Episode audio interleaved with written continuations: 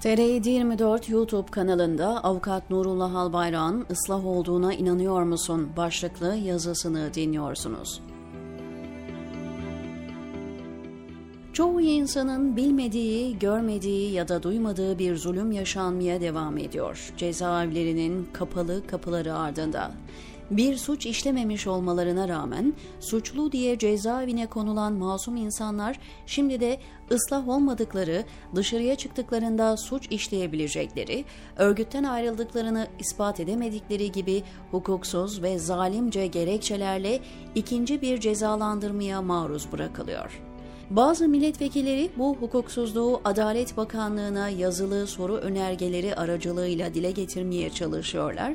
Ancak ne yazık ki diğer siyasiler bu sorundan haberdar bile değiller.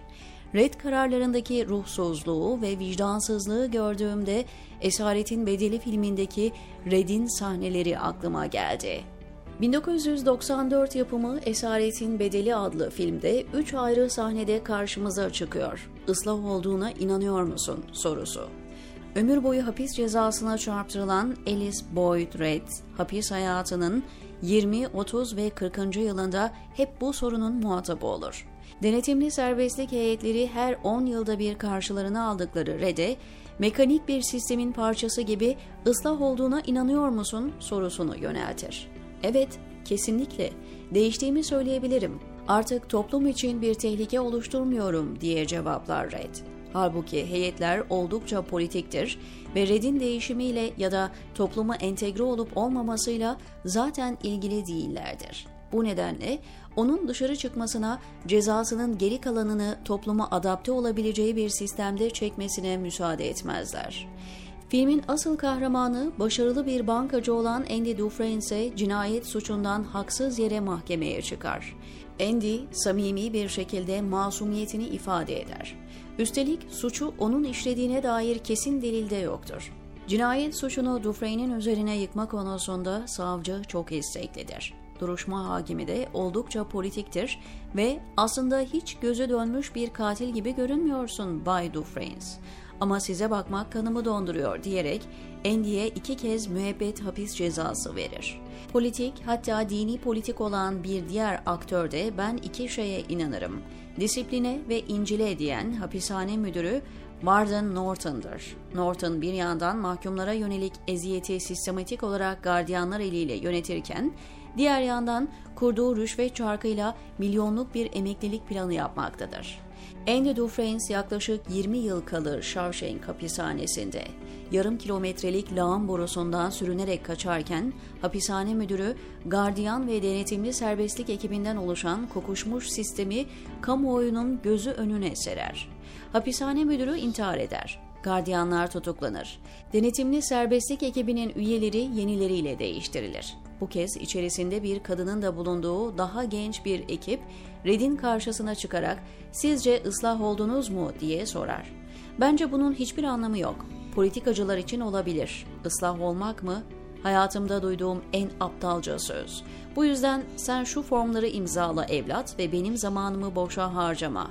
Çünkü doğruyu istersen umurumda değil diye cevaplar red ve tahliye edilir. Esaretin Bedeli filmi, ceza adalet sistemindeki çarpıklığın anlaşılması açısından oldukça etkileyici bir filmdir. Filmde özellikle dini politik figürler eliyle cezaevi sisteminin nasıl yönetildiği, insan özgürlüğünün nasıl hiçe sayıldığı, dini semboller üzerinden rüşvet çarkının nasıl işletildiği gibi konular oldukça etkili bir şekilde işlenmiştir. Söz konusu filmi izlerken 21. yüzyıl Türkiye'sindeki ceza adalet sistemindeki çarpıklıkları, özellikle de denetimli serbestlik konusundaki hukuksuzluğu görmezden gelmek mümkün değil. Hele de hiçbir suçu olmayan insanların cezaevlerine atıldığı gerçeği düşünüldüğünde. Bu hukuksuzluk, masum insanların suçlu gibi cezaevlerine konulması, iyi hal adı altında ikinci bir cezalandırma yapılması, takdir yetkisinin yetkili makamlarca topluca kötüye kullanılması, insan hak ve özgürlükleri konusunda meclisten gelen sorulara dahi cevap verilmemesi, teyide muhtaç istihbari bilgi saçmalığıyla masum insanlara gelecekte suç işleyecekleri iddiasının yöneltilmesi, Dolayısıyla masum insanların denetimli serbestlik haklarının kullandırılmamasıdır.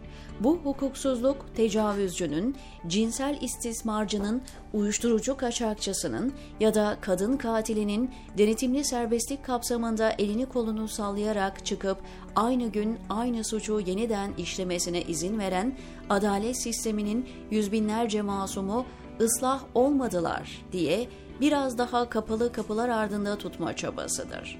Bu hukuksuzluğu icra edenler, ortak olanlar ya da yapılanlara ses çıkartmayanlar unutmamalı ki bu sadece halk nazarında değil, hak nazarında da zulümdür ve elbet bir karşılığı olacaktır, diyor Nurullah Albayrak TR724'teki köşesinde.